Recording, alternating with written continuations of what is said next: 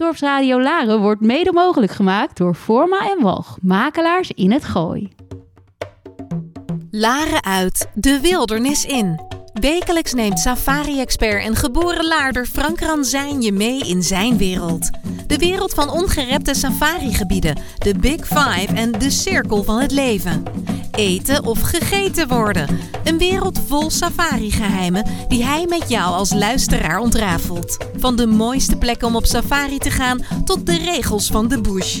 Samen met prominente gasten uit de natuur- en conservationwereld neemt Frank je mee, Laren uit, de wildernis in.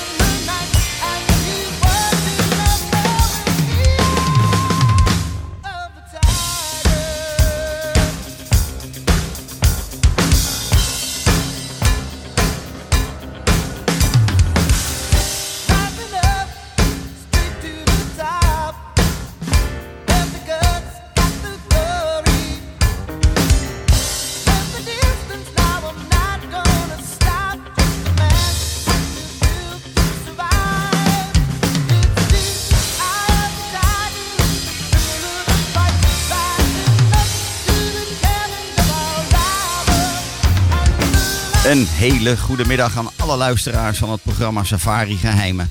We gaan weer van start met een uur vol Safari Geheimen hier vanuit de studio in het Noord-Hollandse Laren. Dorpsradio Laren, het radiostation voor Laren, het Gooien en omstreken. Maar natuurlijk ook te beluisteren vanuit alle hoeken en windstreken via de gratis app van Dorpsradio Laren of via de website dorpsradio.nl. Mijn naam is Frank Ranzijn, oprichter van de travel design studio Safari Secrets. Een reisorganisatie gespecialiseerd in reizen naar Afrika en India, waarin jij als reiziger naast puur genieten, wat je nu helemaal doet als je op reis bent, ook een positieve bijdrage kunt leveren tijdens je bezoek aan, aan het land. Daarnaast ben ik podcast-host van de volledig aan het begrip safari toegewijde podcast Mijn Afrika, Mijn Wildlife.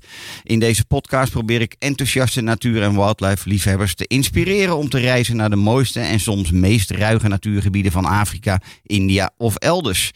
Alle afleveringen van Safari Geheimen zijn dan ook terug te luisteren op mijn podcastkanaal Mijn Afrika, Mijn Wildlife in jouw eigen favoriete podcast-app of via mijn website safarisecrets.nl slash podcast. Safari Secrets adviseert jou graag bij het sa- samenstellen van een once-in-a-lifetime reis naar verschillende safari-landen of safari-gebieden. Ik deel mijn passie en kennis dan ook al meer dan ruim eh, meer dan 30 jaar met gelijkgestemde safari-reizigers en ben tot aan de dag van vandaag nog net zo dol op het zien van olifanten, leeuwen of tijgers in het wild als 30 jaar geleden. Ik hoop je met dit infotainmentprogramma Safari Geheimen dan ook om jou te laten kennismaken met natuur- en wildlifegebieden en je te laten verwonderen in de prachtige natuur met adres onbekend. Vandaag in Safari Geheimen. We reizen af naar het immense, grote en kleurrijke India. Ik ga over enkele, eh, over enkele seconden of minuut eh, proberen contact te leggen met een legend op het gebied van safari en conservation in India. Zijn naam is Amit Sangala. We gaan het hebben over de ontelbare mogelijkheden die er zijn in het land vol contrasten en megaculturele festivals. En natuurlijk het wonderschone India op het gebied van natuur en wildlife. De gebieden die we allemaal wel kennen uit onze jeugd, ehm, uit de verhalen van Kipling's Jungle Book. De beroemde dieren Baloo, de beer en Bagheera de zwarte panter. Wie zou deze dieren nou niet in het wild willen zien? Amit zal ons hopelijk vertellen waar we deze dieren nog in het wild kunnen spotten. En hopelijk zal hij ons nog veel meer safari-geheimen vertellen. Well, it's about time to introduce my guest of honor today, Mr. Amit Sankala. Amit, are you there? I'm here, Frank. Hi. Good to be here. Good morning, Amit, and um, welcome to the radio show and podcast episode Safari Geheimen, which is just Dutch for Safari Secrets. I'm so uh, happy that uh, that I'm talking to you today, and let me introduce you properly as I um, did prepare this morning. You are a grandson of a very famous conservation family in India. And you, Amit, you are one of my safari heroes and one of the most experienced traveler and safari and conservation experts in India. You are founder of the travel company Encounters Asia and owner and founder of a wonderful portfolio of boutique tiger resorts in Madhya Pradesh. Today we will talk about the very special wonders of the world of India. And hopefully, Amit, you will tell us all about your safari secrets in the, and, and your favorite places to go when planning a trip to India. I'm very lucky to be able to work with you also as my agent for my clients from Safari Secrets when they want to travel to India. Um, Amit, to start with, um, I know it's very early. You are you are in Vancouver, Canada at the moment, so it's very early morning for you. It's almost uh, evening here in Holland.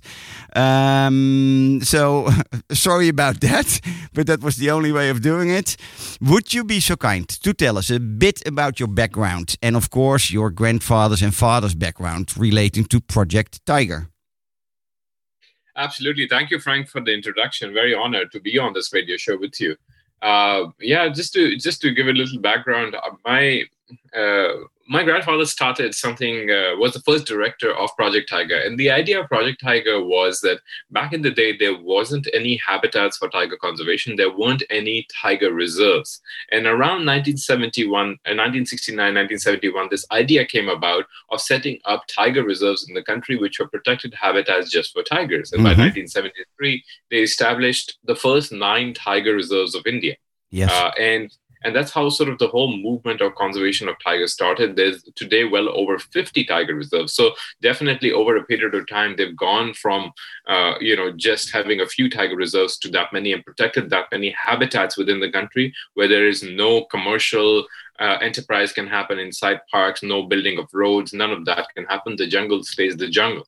Uh, and that's that's what they've been able to protect quite successfully we the, the number of tigers had gone down to less than 5000 in the wild in the early 70s I'm, I'm Mhm. talking tigers around the world completely. Back then there was south china indo-chinese tiger sumatran tiger siberian tiger uh, bengal tiger. And today unfortunately i mean the only ones i can say there are some in the wild are in siberian tiger and sumatran tiger. And the, the largest ones in the wild are the bengal tiger for sure Yep. uh, going across the boundaries in india nepal and may, uh, there are some in bhutan as well uh, and and of course you know getting into Sundarbans in Bangladesh Yeah. in those areas. So these are the only uh, remaining habitats of Bengal tigers in the wild. And t- today uh, the numbers have gone up to almost 3,000 wild tigers, uh, or well Bengal tigers out there, about 2,800, 2,900. So they keep doing a census every two or three years. The latest census is going to come out soon as well.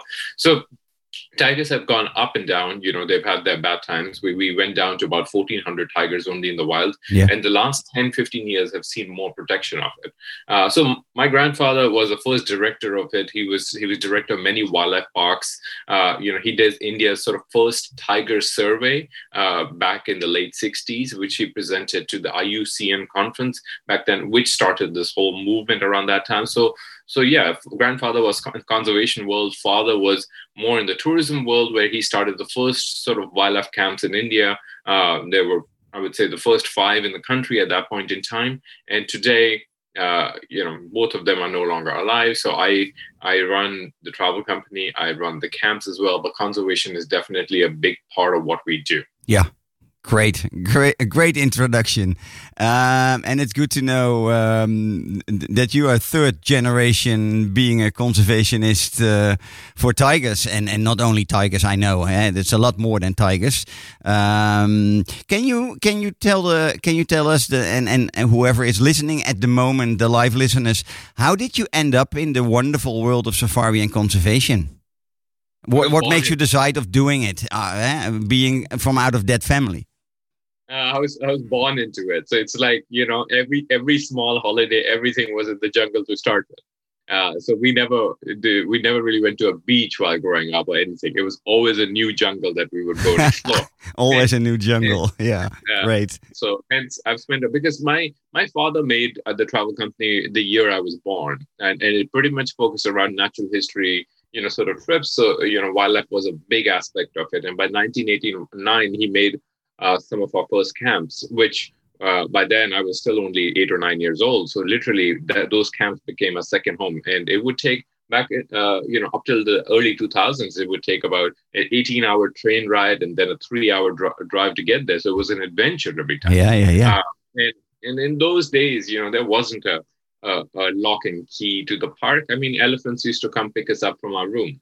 Uh, you know, that's how you headed to the jungle. Yeah. And that's that's uh, the late 80s, early 90s, even for that matter. And I would take my school friends with me, and we would just sort of hop on the elephant at six o'clock in the morning, and they were from our room in our hotel, and and Yeah, we yeah, would just yeah, yeah. the jungle for a couple hours. So you know, time time has changed a lot. Of course, it's much easier to get there. You take a flight, you're there for lunch. Mhm. Uh, it, Mhm. It's that easy to get into deeper into forests. Mind you, jungles in India are everywhere. You know, there's there is sanctuaries, jungles, eh, 50 kilometers in any direction that you go Yeah. in the country. I'm not even talking that you're particularly going to my camp, but there was so much to explore Yeah, in a yeah. country like. Uh, so yeah, the love for that just got me into it, and I I said there's nothing else I want to do. No, and, and and when you said your father started those f- five wildlife camps in India, it's not one of them is still not one of your recent portfolio, eh? Yeah, no, no. Uh, the, uh, I said the first five. So there were other camps as well at the Ah, yeah, yeah, remote areas. Back then, there wasn't anything called wildlife camps. No, but know, you, I mean, but you you started you started the three you're still running at the moment, eh? That wasn't No, your I- father, eh? I started. I started Jamtara, which is the new one Yeah. uh, that we started about seven years ago. My father started the two other ones. Oh, So okay, three- he did start the other two, yeah, Yeah. Bandhavgarh Yeah. Jungle Lodge and Kanha Jungle and Lodge. Kanha Jungle Lodge. Yeah, so he he very much started it. Uh, Some of our staff still comes from the back in that Ah, day. They've- I didn't know that. so uh, you I- know, in, in the company. Ah, okay. No, I thought that you uh, started them uh, them all yourself. Um, so, especially, I think Bandhavgarh Jungle Lodge probably the oldest of the three. Uh, Kanha Jungle Lodge Oh, actually. is Kanha is okay. Yeah, but they're only a year apart. So 1989, 1990. Okay. Uh, so so they've been in the family business forever, and now hopefully going forward, you know, after we're behind, the COVID is behind us. At least we can function properly. We'll probably be building more camps in the next Ah. two years. Yeah, So- I, this this year, this season, uh, I I try to stay away from the the, the topic uh, COVID, but sometimes you have to talk about it uh, because the last time I talked to you, you said we are facing a new total lockdown. How is the situation at the moment from a tourist point of view, Amit? Yeah. So just to just to give you an idea, India is the one of the only countries which is which has crossed 90% vaccination for first dose uh, to the population and about 78% double doses and now they're doing booster so we are literally the highest vaccinated country in the world because our population is 1.2 billion so you can imagine uh, you know what machinery we have put out. Then, of course, it helps that we make the vaccine. We make the Covishield, which is like the AstraZeneca out there. So the situation in the country, where, yes, the Omicron wave, wave last year, the Delta wave hit us, and it was really bad, Mhm. uh, no question. And and people were dying left, right, and center, and it was it was really bad. But over the year, I think the whole immunity and and the vaccinations have really helped. And this Omicron, yes, there was bad, but there weren't so many deaths like everywhere else in the world. Mhm. There was a wave, and this week it's come really, really down. Uh, at this point, there is a restriction of a seven day home quarantine when you land. So it could be in a hotel, it could be in a jungle, it could be anywhere. you Yeah, know, yeah, so they yeah. don't really care about that. But by this weekend, we are hoping that will also lift, and all uh, everything sort of by next week. Uh, and you know, of course, I don't know for sure, but but ninety percent, uh, given the, what the case situation is, we should be going back to normality within a week or two itself.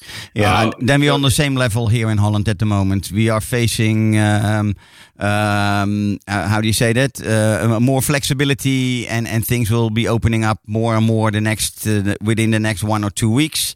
And um, at the moment, you say you still have to be in quarantine for about seven days. It could be in a hotel in a city, or it can be in the jungle. Uh, at the other hand, we have to be honest. Probably a lot of international travelers will wait till that that's lifted too. I think, um, but but for you guys, actually, it's also an objective to uh, to go on forward again, eh? Yes, no, absolutely. I mean, there is so much enthusiasm to travel. And and what you sell, Frank, you know, or or what we sell, you know, remote jungle. This is the new wave of travel. I mean, people want to travel that way. They want to do slow travel. Yeah, You know, yeah, they yeah. want to- and, and that's a big thing coming, you know, where people should spend more time in a particular destination exploring than jumping every night or second night. I, I Uh, like that idea so much. I'm trying to convince people for many years already to doing it, but especially now after what we have been through with COVID, I think it, it will be kind of a new standard for at least uh, a lot of travelers. Not for everybody, but it will be hopefully a new way of traveling. Yeah, I totally agree to that. Absolutely. Yeah. No, we're hoping, crossing our fingers. And, and you know what? The demand is very, very high. People really, really want to travel. We just worry about almost over tourism in the coming seasons, you know, because because people haven't traveled in so long. Uh, but but uh, you know, it's like how we manage that, how sustainably that happens, and all that, and how the world looks at it. So Yeah. so yeah, just gotta wait and see. Ah, that's good to hear.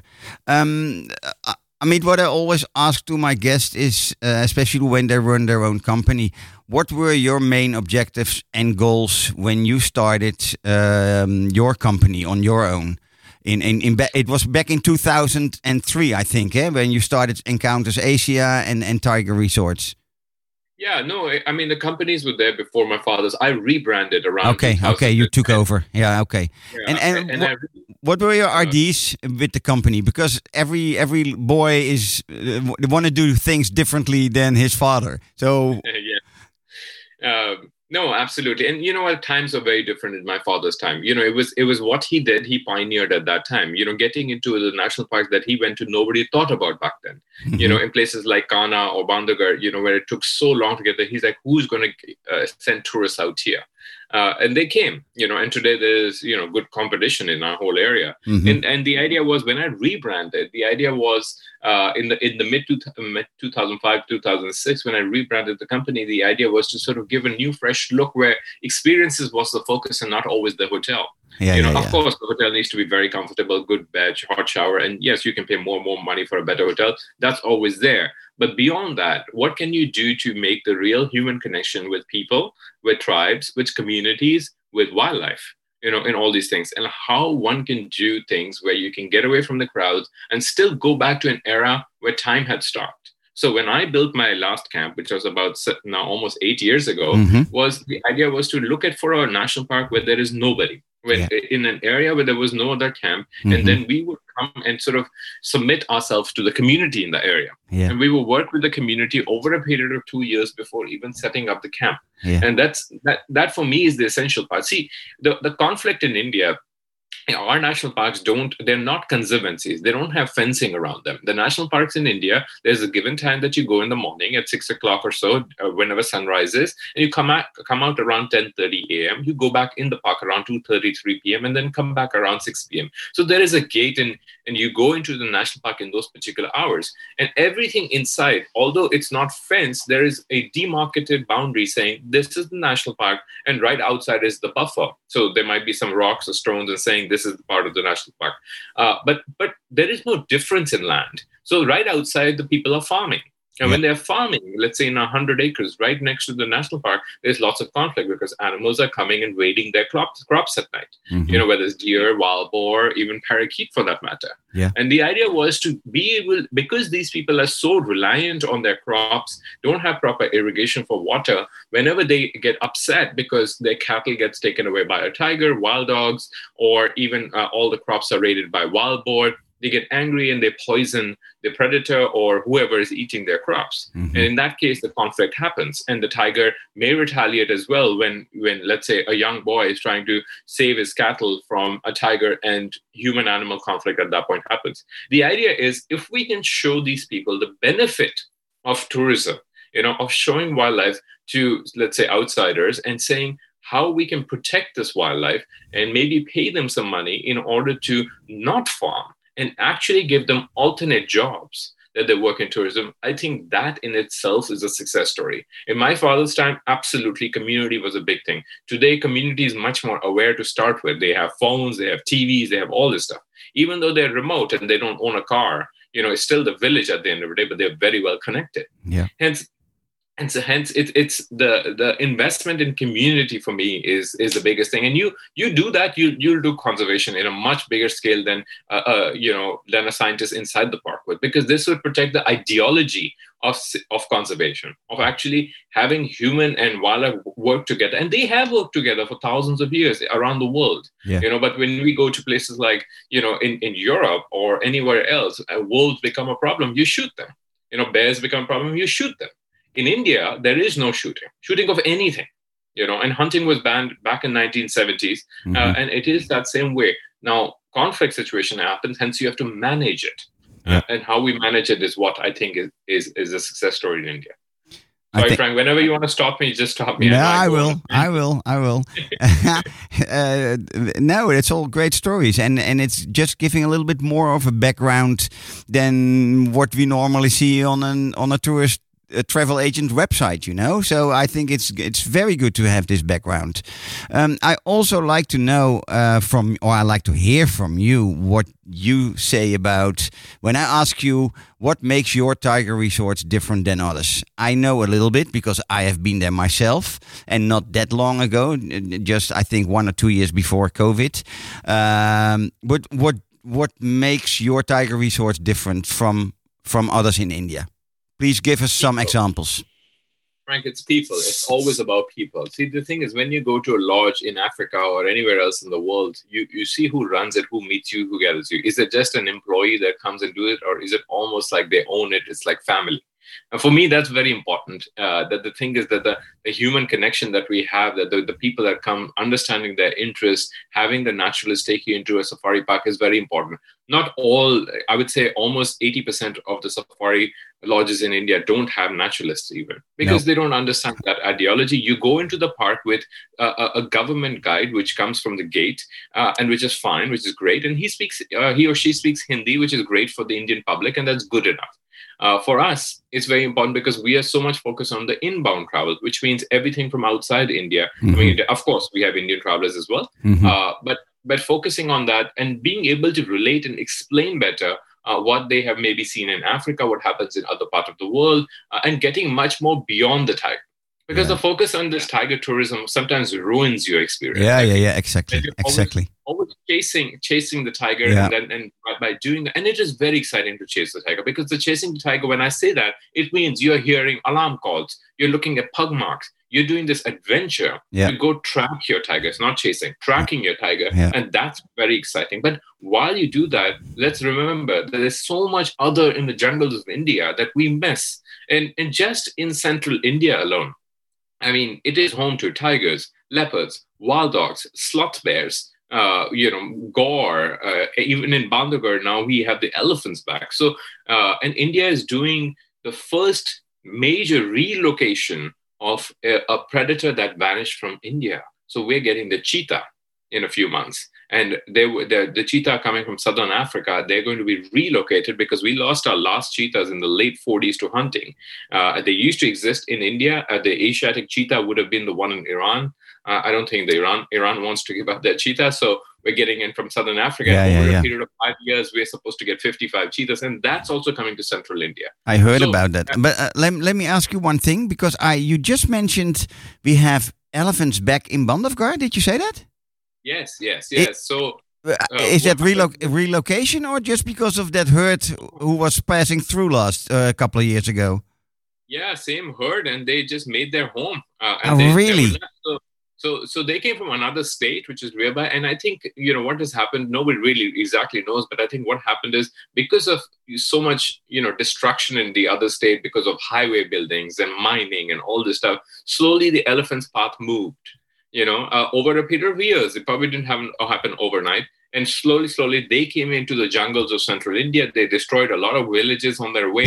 so we know the exact path that they came. There was forest management that happened. Uh, and and in, a, in a very tolerant country like India, you know, the government didn't just say, go and shoot. No, You no, know, no. Although there were only 15, 20 of them to start with, they didn't say, they said manage them, manage, manage them so we can get them into a safer habitat. And it took almost two years to settle them down into Bandhavgarh in the sense of they would charge on the vehicles, they would do all those yeah, kind yeah, of things. yeah, yeah, yeah. Because they're not used to it. No, no, no. When I was there, they were in the area at that at that time, but they at, at that time they thought they were just passing through and uh, would leave the, uh, uh, that area again. But oh, it's wonderful to hear that they uh, made their new home out of it. Yeah, yeah. So now we have a whole new species back in, in central India, which is Cool. very exciting. And and I believe now there's about uh, 40, 45 uh, elephants uh, overall that are Great. there in Bandh. And it's only it's the only park that has it, but it just gives it one more species to, you know, one more mammal to come and see while you're there. Yeah. And, and and you asked me this before, you know, uh, as well, Frank.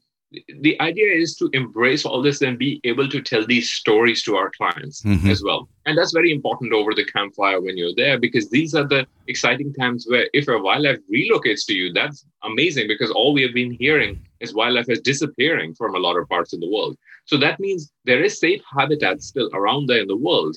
Uh, you know, and the local community are the people who are working around our lodges. You know, about 95% of the people that work in our camps come from the local tribes, local communities, local areas, and they're the ones who who know the history of a lot of things. Uh, and it's important to engage them in the longer process. And I think that's that's one thing that our camps stand by. We are still very much family owned. I own all of them. Uh, Mhm. I'm in touch with my camps every day, Mhm. almost, and and it's it's more like a community, and that's that's what we want to keep it that way. We are the wildlife community. We are we want to uh, be very mindful of what we do, sustainability, uh, you know, and, and, and protect in every way we can, and generate tourism dollars to fund further conservation projects as we do. Yeah, yeah, yeah.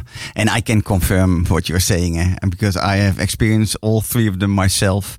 Um, and and um, I like to point out to everybody who is listening, these places are pretty fabulous and pretty. Um, how do you say? It's a marvelous experience, and it's expect exactly what you said. It's all about the experience. It's not so much about the posh the, um, posh hotel type of atmosphere. It's so much more um, very well run, um, how you authentic safari camp with beautiful people who run the place. And to to just give one example, and you know the example is probably always the same. Um, the managers couple of Kanha Jungle Lodge. I mean, they are the most fabulous uh, people who run that lodge. And, and if I am right, but you can correct me, that Tarun is uh, running Kanha Jungle Lodge for more than 30 years already. Is that true? Uh, not 30, I would say 20 odd some years. Ah, 20 they- odd they're years. cous- They're my cousins, yeah. They've been, Ah, they're okay. Yeah, and, and his wife Dimple. It's it's the, the, the one of the best safari camp uh, managers, couples I've ever experienced, uh, and and they make your stay so much more a different experience than just a corporate type of safari camp or um, yeah, or, or whatever. Uh, so I totally confirm what you were just uh, telling us. Um, I like to know from an expert like you, what are your personal favorite parks in India or outside India? But uh, and, and can you explain why? It doesn't have to be always the very famous places. Yeah, no, absolutely. I, I, I have I go for very different experiences. One of my favorites is, you know, I, I love going into the Himalayas to see Mhm. snow leopards. Yeah. Uh, very, very much a possibility to see them. Eight out of the ten times our group sees snow leopards up in the wild. Uh, and it's by back in the day, you know, about 14 years ago when I started going to them, we were camping and it was cold and it was miserable. Uh, but you know, you go there for the camping. Now, what has happened is there's a community lodge up there, so it's very comfortable when you go up there. You don't need to be a serious trekker. You need to be a good hiker and walker. Uh, so we're not expecting you to, you know, climb any mountains at all. Uh, the vehicles are at your disposal, and we've been seeing uh, amazing snow leopard sightings up in the Himalayas in Ladakh, uh, which is the northern region bordering with China up there. Mhm. Uh, we, we have opportunity of seeing wolf, fox, lammergeiers, golden eagle, ibex, urial. So there is opportunity to see so much more, and then be amongst monks and monasteries. You know, and imagine that there is almost no other tourists in the area because in the winter Ladakh doesn't get tourism. It's the summer when they get tourism because it's colder. But cold for you guys is, is relative because it's actually less colder than it is in Holland. Uh, so so I- yeah. at, at, at nighttime you're anyways indoors and and, and bit of heating so uh, you're okay so i love love that experience of because the idea of remote is is fascinating i still love going into jamtara into Pench that that area just because there is no other lodge in the area and i can still be one with the community. I can walk into the school and anything like that. There is no other tourist uh, you know it is just us. And, and the sense of community for me and but that's for more sort of personal reasons. Uh, even even in, in Gujarat, for example, I love going to this park called Velavadar, uh, which is B E L A V A D A R, and it's it's the black buck sanctuary. It looks like the Serengeti. I'm not kidding you. If you Google it, you'll see it's the open grasslands. Uh, not a very very big park. It's a great place to see uh, striped hyena, wolf, black bucks, which is the Indian sort of antelope. Yeah, yeah, yeah. Uh, and one of the best places in the world for marsh harrier roosting. Uh, so excellent bird life when you're coming into those areas. So yeah, I mean, Frank, depends on the experience, whether it's the one-horned rhino or the wild elephant, or whether it's the tiger or the snow leopard, whether it's the sloth bear, whether it's, you know, and we can go on and on about so many species. Red pandas up in Sikkim. yeah, Uh, yeah, yeah, yeah, yeah. You know, uh, great chances of seeing them. You need to spend about five days, and and uh, uh, you will see Satyr Tragopan. You'll see amazing bird life. You will see, of course, red panda, and you can combine it with a great experience in Darjeeling and drink some amazing Darjeeling tea while you're up there, staying in a beautiful accommodation up there, and you can combine that with the rhinos, uh, you know, up in the northeast. So India is is it's it's so much. I know you it's so rich. so I was. I was just telling the technician of the radio show today, uh, just before we started, that he asked me about the wildlife in India. I said, um, to be honest, it's it's from a variety point of view, it's probably even better than Africa. Um, it's totally different. eh, the habit, habitat is totally different, and your experience is a little bit different. But from a variety of, of, of different animals you can encounter, it's probably even better. Um, and and I also uh, want to point out one more thing. You were saying I still like to go to Pench to Jamtara. Uh, also, that one I can confirm. Um, I've had the most best wonderful tiger experience ever. We were uh, witnessing a tigress for two and a half hours with only one vehicle, just our vehicle. And we could follow her for a long time, and we could just sit and watch uh, uh, to to that tigress for a long time. Um, and who who can who else can say I've been with one tigress for two and a half two and a half hours? I mean, it's just incredible. So Pench is just also for me one of my favorite parks in India. Totally, uh, totally true. So that's good promotion about Pench, yeah?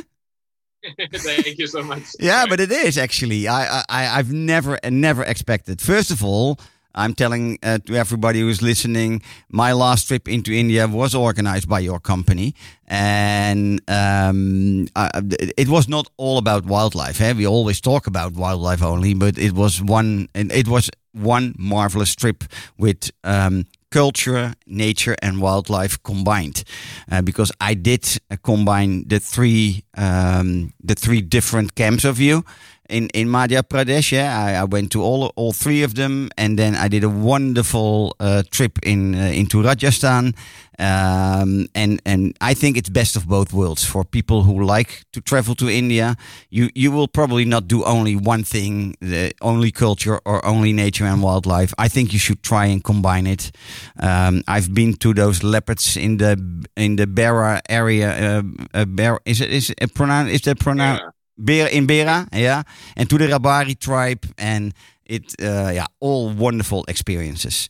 So um, you should book your next trip to India now for everybody, and please do come to me, and we can talk about it, and we will uh, plan a very, very good uh, itinerary together with um, Encounters Asia.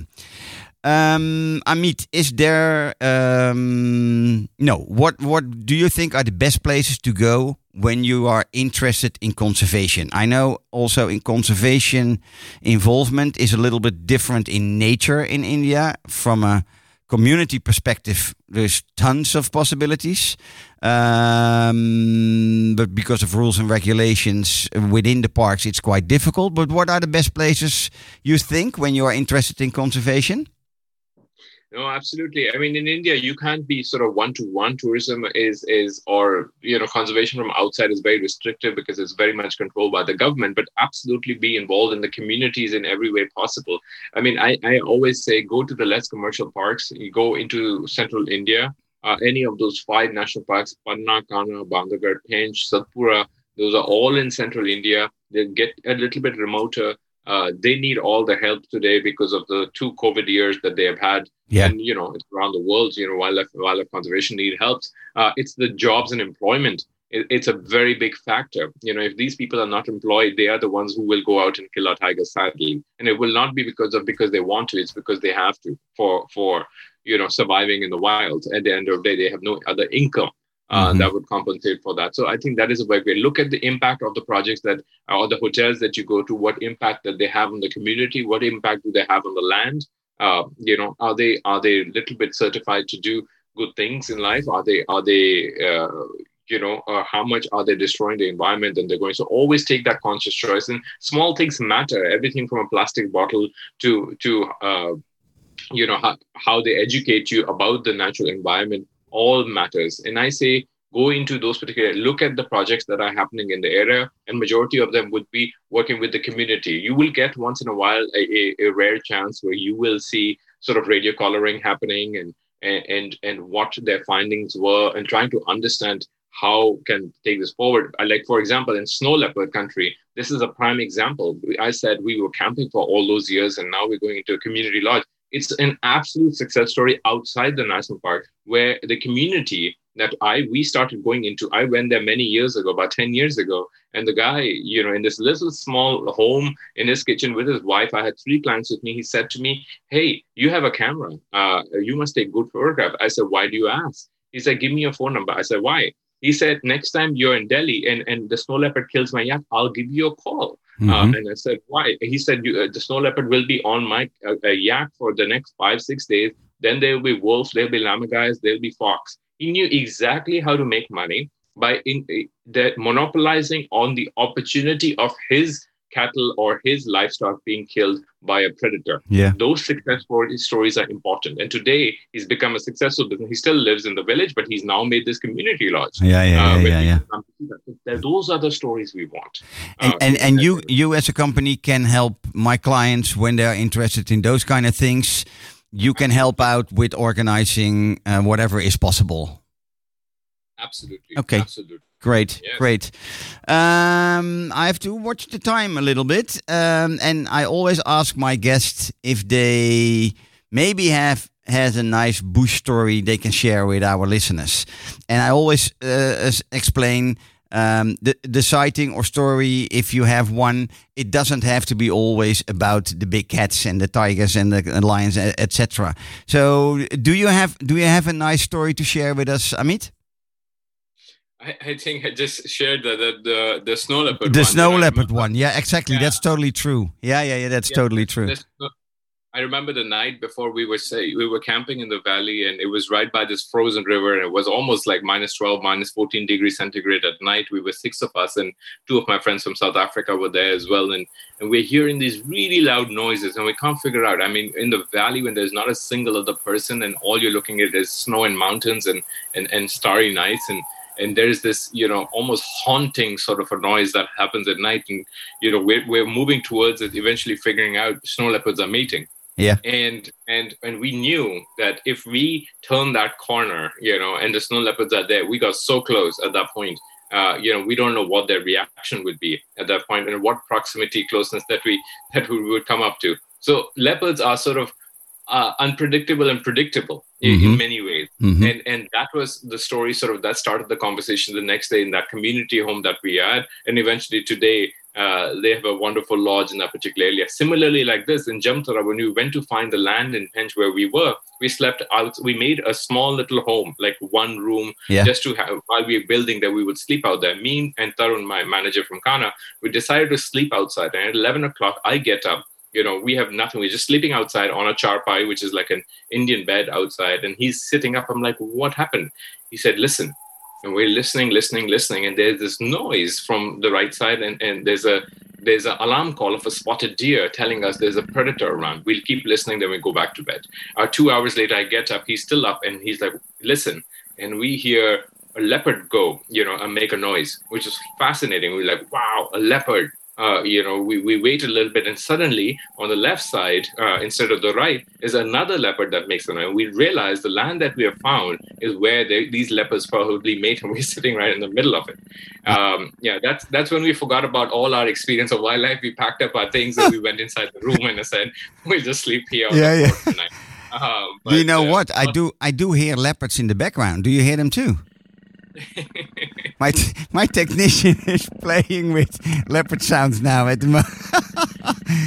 he was hearing uh, hearing your story about leopard, and he thought, okay, let's let's hear uh, um, uh, the um, let's let's listen to the noise of a leopard. Yeah, probably not a snow leopard, but um, uh, great story, uh, Amit. Um, I'm going to round off our our discussion, but I want to give you the, the the possibility. Is there anything else you like to point out to people um, who come to me to planning their safari or to, to planning their trip to India? Is there anything you want to point out which is important to know, or you want to just tell us or share with us? No, absolutely. Whenever you book your travels, you know, look at the right companies who of people who have the experience. Look for real people who run their companies. To be honest, that for me makes a big difference. You know, at the end of the day, is it just a corporate company you're booking with with a person who's never been to the place you're going to? Are they going to be able to share the experience with you?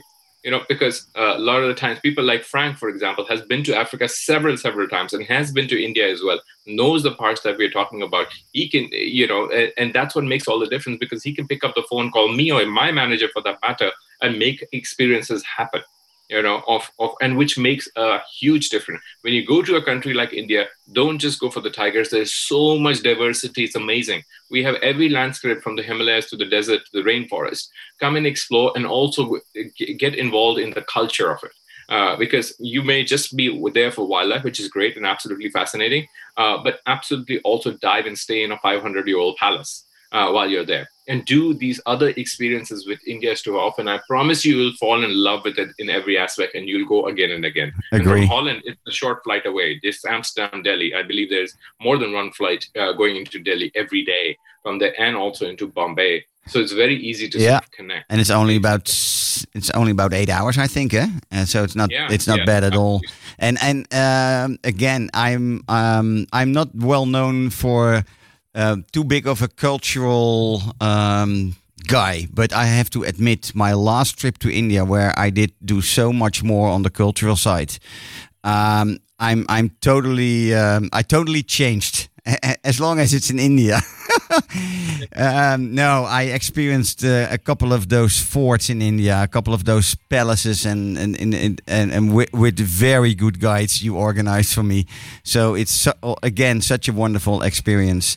Um, Amit, I like to thank you so much for doing this interview with me.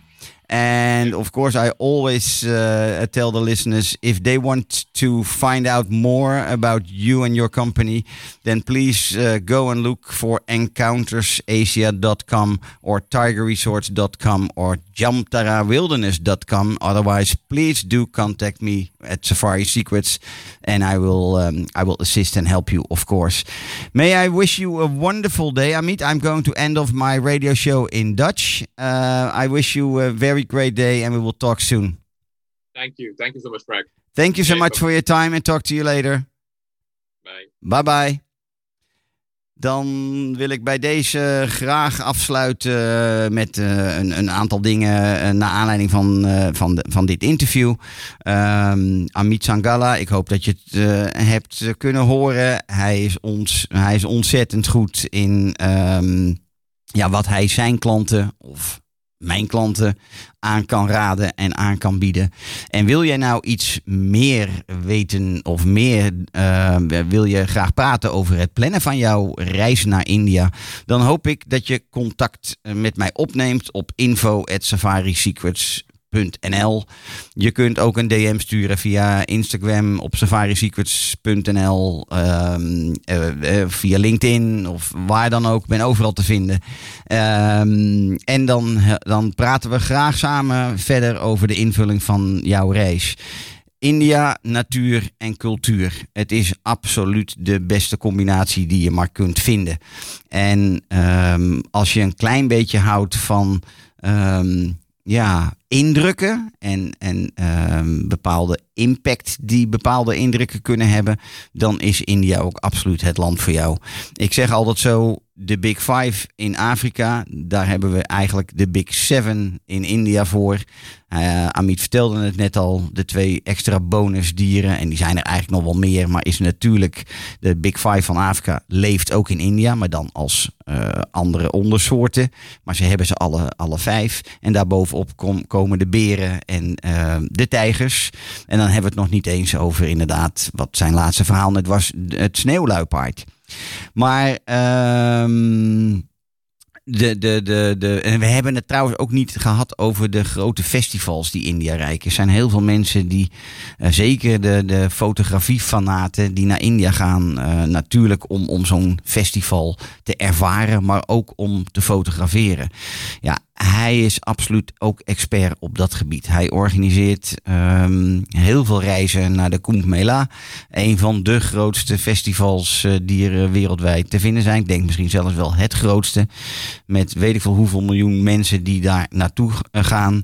En ehm, toevallig eh, een van mijn gasten van vorig seizoen is daar ook geweest. Ehm, die heeft dat zelf mogen ervaren. Ik heb dat nooit mogen, eh, of nog niet zelf mogen ervaren. Maar er, eh, er is absoluut ook op dat front ontzettend veel te doen. En dan hebben we het nog niet eens gehad over de culinaire situatie in India. Als je een klein beetje houdt van, ehm, van oosters, of, eh, eh, ja, van, van Aziatisch eten, dan ehm, India's eten.